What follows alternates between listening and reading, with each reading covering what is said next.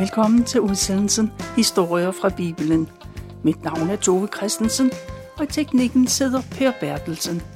I dag fortæller jeg noget af det, der står i Josvas bog i det gamle testamente. Og denne udsendelse handler om Josva og solen. Vi kommer til at høre om, at Josva bad Gud om, at solen måtte stå stille, og man kan undre sig over, hvad der egentlig skete.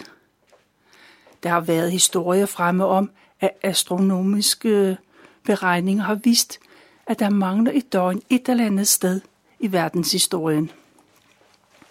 Det døgn kan forklares med det, der skete i Israel. Men det er tilsyneladende en vandrehistorie. Den har ikke hold i virkeligheden. Men det skorter ikke på teorier. I dag ved vi jo, at solen står stille, og det er jorden, der drejer rundt. Stansede Gud jordens omdrejninger, eller hvad? Nogle mener, at Gud skabte en usædvanligt lysfænomen i jordens atmosfære. Det gjorde, at solen var, sær, øh, var synligt i længere tid end normalt. Det så ud, som om solen stansede, uden at det påvirkede rotationen. Andre siger, at ordet stod stille også kan oversættes med at stanse eller stoppe. De tolker det, som om solen holder op med at skinne, ikke at dagen bliver længere. Israelitterne ville have, at det skulle blive mørkt, for at det kunne blive svært for fjendens soldater at komme frem. En lang vandring i pullermørke skulle udmatte fjenden, før de kom i kamp. Ingen ved helt nøjagtigt, hvad der skete. Men Gud greb ind i naturens gang – akkurat på det tidspunkt, hvor israelitterne havde brug for det. I virkeligheden var det ikke så vigtigt, hvordan Gud gjorde det. Det vigtigste var, at Gud hørte en mands bøn og bønnen om, at Gud måtte gribe ind. Israelitterne skulle indtage Kanaan, for Gud havde gennem århundrede lovet israelitterne et land, der skulle være deres helt eget – og hvor de kunne bo i til evig tid. Det var ikke, fordi de fortjente det. Det var ikke en belønning for god opførsel. Tvært imod. Gud gav dem landet på trods af deres ulydighed og mistro. Gud ville gennem det israelitiske folk vise, at han elskede mennesket og havde stor omsorg for den enkelte, og at Gud tilgav. Men Gud vidste også, at det havde konsekvenser ikke at tro på ham. Gud gav israelitterne et godt land, hvor der var overflod af alt. Der var floder og kilder, der løb gennem de regnfattige områder. Man kunne høste både forår og efterår, og i jorden var der forskellige slags råstoffer. Gud gav også israelitterne love og retningslinjer, og de byggede på to grundprincipper. For det første skulle de tilbe Gud, og så skulle de elske deres næste som sig selv. Josva er israelitternes leder. Han står i spidsen for de omkring 2,5-3 millioner israelitter, der indtager Kanaan, det land, som senere blev kaldt for Israel. Gud er med israelitterne. Først blev den vigtige by Jericho indtaget på mirakuløs vis. Gud lad de, lad, lod de tykke mure falde. Soldaterne kom helt frit ind i byen, og så dræbte det alle Jerikos indbyggere og brændte byen ned. Efter den sejr var man klar til at indtage byen Ai, som den hed.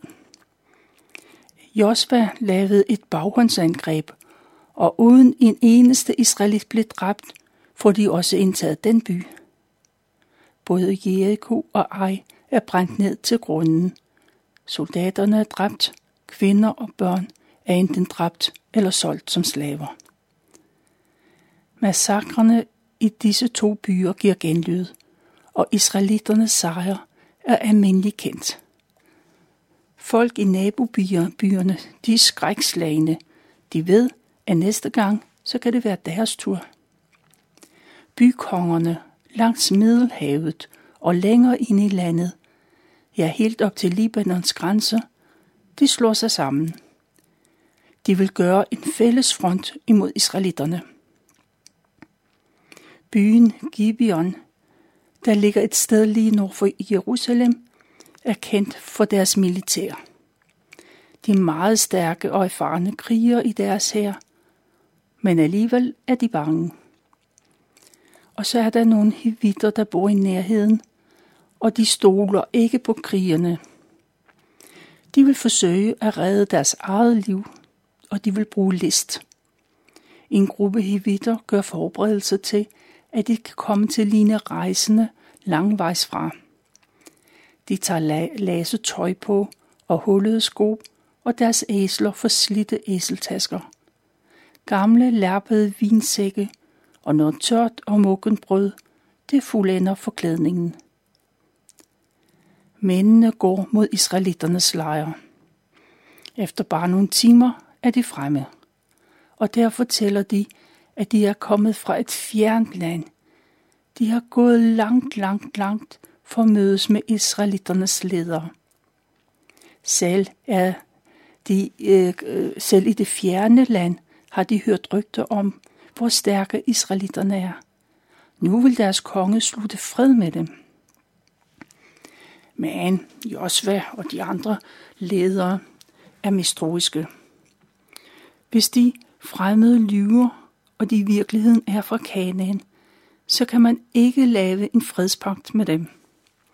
Det vil stride mod Guds ordre, for alle folkeslag, der bor i Kanaan, skal udslettes. Ingen kan fredes. Men hvis de virkelig bor langt væk, så behøver de ikke at blive dræbt. De kan nøjes med at blive israelitternes slaver. De fremmede svarer, at det går de med til de betingelser, bare de kan få lov til at leve. Og for at lyde overbevisende, så fortæller hevitterne, at de bor langt væk, men de har hørt om israelitternes vældige Gud. Allerede 40 år siden, så hørte de om, øh, om Gud. Det var dengang israelitterne boede i Ægypten og var slaver der. De har hørt om, hvordan Gud sendte den ene plage efter den anden over Ægypterne. Men plagerne ramte ikke israelitterne. De ved, at israelitterne gik tørskoet gennem det røde hav, men den store, stærke egyptiske hær, de druknede. Og Gud sørgede for israelitterne i 40 år, mens de var på ørkenvandring. De fik både mad og vand, og deres tøj blev ikke slidt. Og de fik også beskyttelse mod de farlige ørkendyr. Hevitterne de øh, fortæller, at de har hørt rygter om, at israelitternes Gud har udslettet flere byer og til gjort indbyggerne. Derfor har de taget den lange vej for at sige, at de er villige til at underkaste sig og slutte fred. Mændene de tager dem brød, der ligger i deres sadeltasker, ædes æseltasker.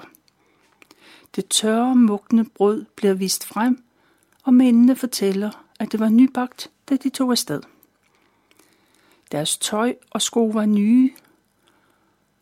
Så langt er de kommet væk eller hjemmefra. Josva og israelitternes leder hører på mændene. De ser deres tøj og på brødet. Og så føler de sig overbevist om, at de fremmede taler sandt. Og så laver de en fredspagt, og begge parter underskriver den – Dermed har israelitterne forpligtet sig på ikke at slå dem ihjel eller fordrive dem fra de byer, de bor i.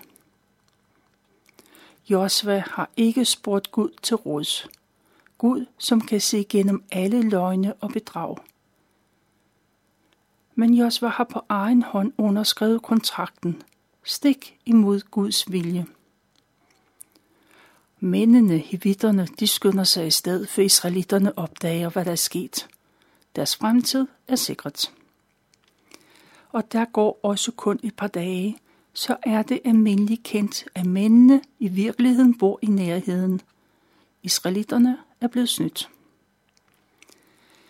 Josva, han samler sine mænd, sine krigere. Han går nordpå til de byer, som hivitterne kommer fra. Og da de når frem efter en dags vandring, så går de ikke til angreb. Josva angriber dem ikke, for han har svoret at frede dem i Guds navn. Og så finder der et internt opgør sted. De israelitiske her er frede på Josva og de andre ledere. Det er deres skyld, at man har sluttet en fredspagt med de fremmede. Josva kan kun sige, at han aflagt et løfte, og det løfte kan han ikke løbe fra.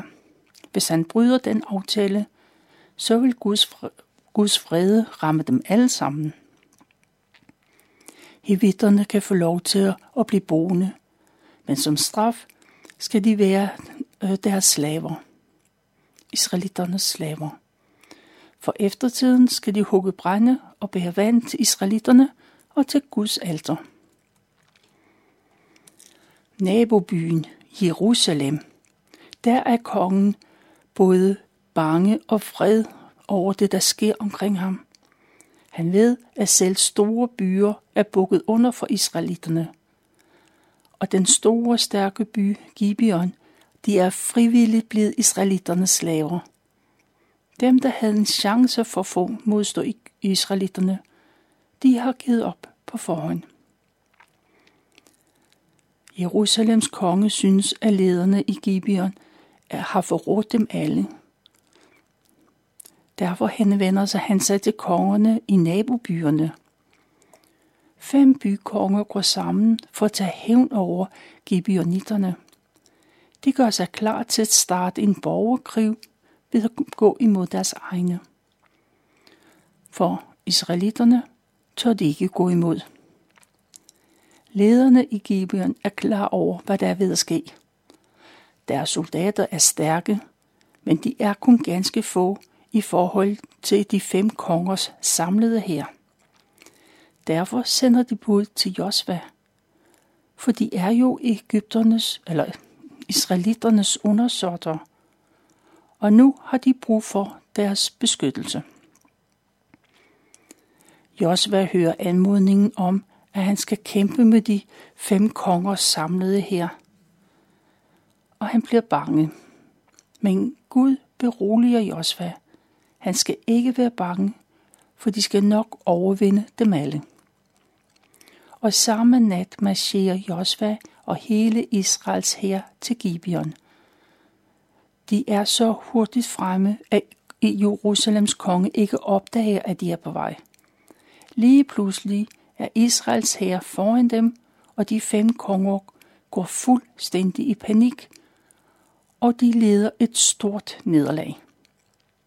Gud fylder både kongerne og soldaternes hjerter med frygt, så de flygter hver deres vej. En del bliver indhentet og slået ihjel. Men det lykkes andre at komme gennem et bjergpas væk fra israelitterne. Men på vej ned ad bjerget, så løber de ind i et kæmpe havlvær. Der er så mange usædvanligt store havl, at det slår mange af soldaterne ihjel. Faktisk så dræber havlene flere, end israelitterne gjorde. Josva kan se, at hans soldater har lang vej, før alle er dræbt. For Guds ordre går ud på, at hele hæren skal dræbes, og Josva går målrettet efter det mål. Den dag bliver Josva højt til Gud. Han beder højt, så alle kan høre det. Beder om, at solen må stå stille på himlen, og månen må stanse sin bane. Det er en meget frimodig bøn. Josva beder virkelig Gud om at gå ind i naturens orden. Hverken før eller senere har Gud opfyldt sådan et bøn fra et menneske. Gud hører Josvas bøn, for, for alle skal vide, at han kæmper på Israels side, og for israelitterne skal komme uskadt tilbage. I det næste døgn står solen stille. Israelitterne kæmper det bedste, de har lært, men de fem konger får held til at flygte, de gemmer sig i en hule oppe i bjergene. Men de bliver opdaget, og Josva får besked på, hvor de er. Han giver ordre til, at en stor sten skal rulles hen foran indgangen, så kongerne er indespærret. Der må de blive, til han kommer, og der skal stå vagter uden for hulen. Og mens kongerne de sidder indespærret, så bliver hele deres hær dræbt. Selv har israelitterne ikke mistet en eneste mand. Josva og hans hær de samles oppe ved hulen, der hvor kongerne er. Og man får rullet stenen væk, og herførende, de tager hver deres konge. Og så sætter de foden på kongernes nakke. Det er et symbol på, at Gud vil handle, eller hvordan Gud vil handle med alle Israels fjender. Gud siger, at Israels her ikke skal lade sig kue. De skal være frimodige og stærke, for Gud vil være med dem.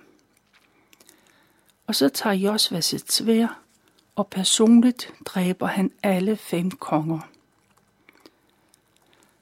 Og Gud lader israelitterne vinde, for den oprindelige befolkning i Kanaan tror ikke på himlens og jordens Gud.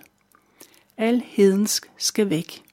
Der skal gøres rent bord, for israelitterne kan flytte ind i landet. Israelitterne har vundet over alle de større byer, der er i det sydlige Kanaan. Negev, Gaza og Hebron blev også erobret. Så vender Josva og hæren tilbage til deres lejre. Samtlige konger i det nordlige Kanaan er klar over, at turen kommer til dem. Derfor indgår de et forbund. Med forenede kræfter håber de på at besejre fjenden, israelitterne. Alle deres soldater samler sig i en kæmpe hær. Der er et massivt opbud af soldater, heste og stridsvogne, og de slår lejre og indretter sig og da alle er kommet og har slået deres telte op, så fylder de et stort område. Kongerne og deres mænd lægger planer, og de koordinerer de forskellige herenheder. Josva står og ser på, at fjendens mange soldater de gør sig klar til kamp, og han er ikke stolt ved situationen. Men Gud siger, at Josva ikke skal være bange, for dagen efter vil hele hæren ligge død foran deres fødder. Dagen efter skal Josva og hans soldater komme til at brænde fjendens vogne af og skære haserne over på hestene. Sådan lover Gud, at det skal blive.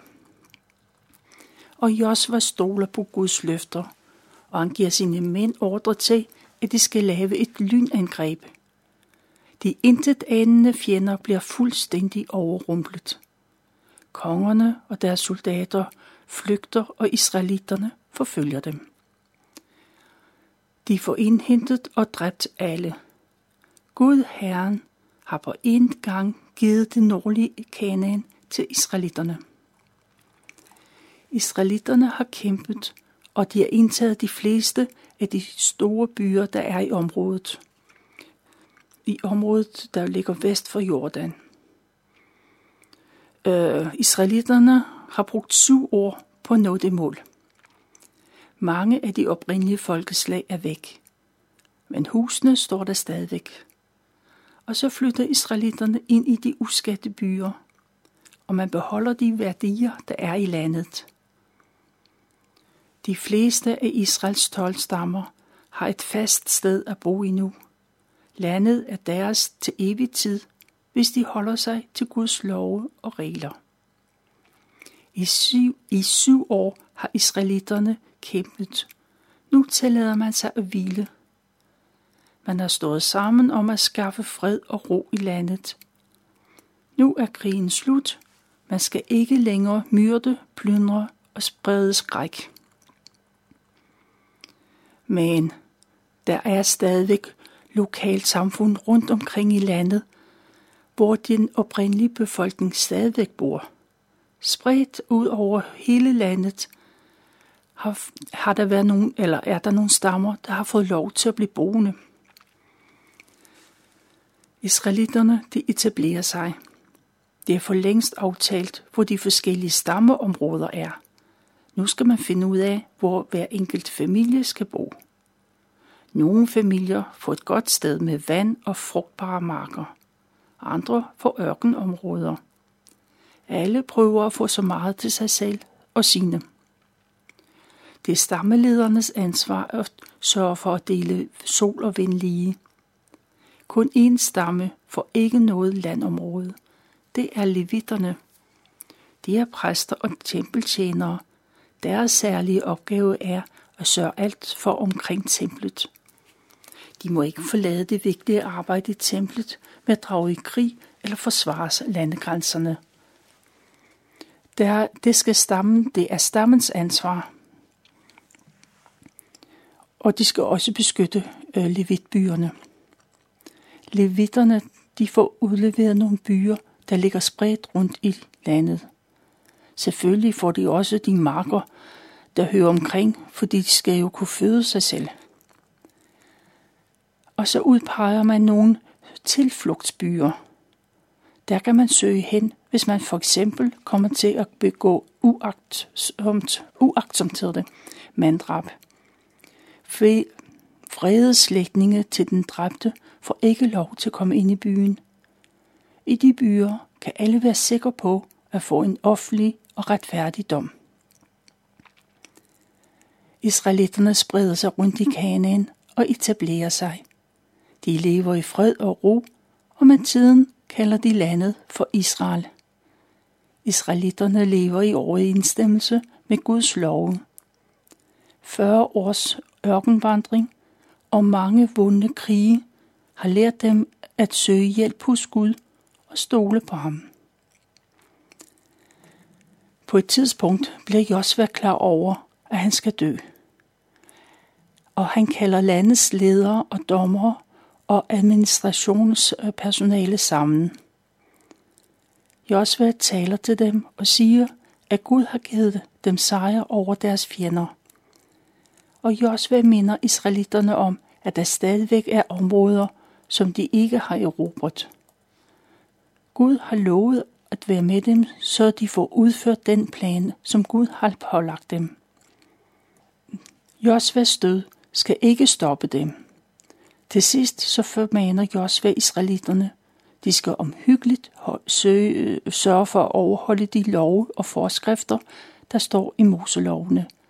De må aldrig gå på kompromis med Guds bud. De må ikke blande sig med de hedenske folkeslag, der bor i landet. Og de må slet ikke nærme sig afguder. De må ikke engang udtale deres navne. Josva minder israelitterne om, at de skal huske på, at hver enkelt israelit er så stærk som tusind andre. For Gud kæmper på deres side. De skal blive ved med at elske Gud ubetinget, og de vil og så vil Gud opfylde alle sine løfter. Det er lige så sikkert, som at Gud vil forbande dem, hvis de dyrker andre guder. Kort tid efter den tale, så dør Josva i en alder af 110 år, og han bliver begravet oppe i Efrems højland. Det er, hvad jeg har valgt at fortælle fra Josvas bog, kapitel 9-11 og kapitel 24.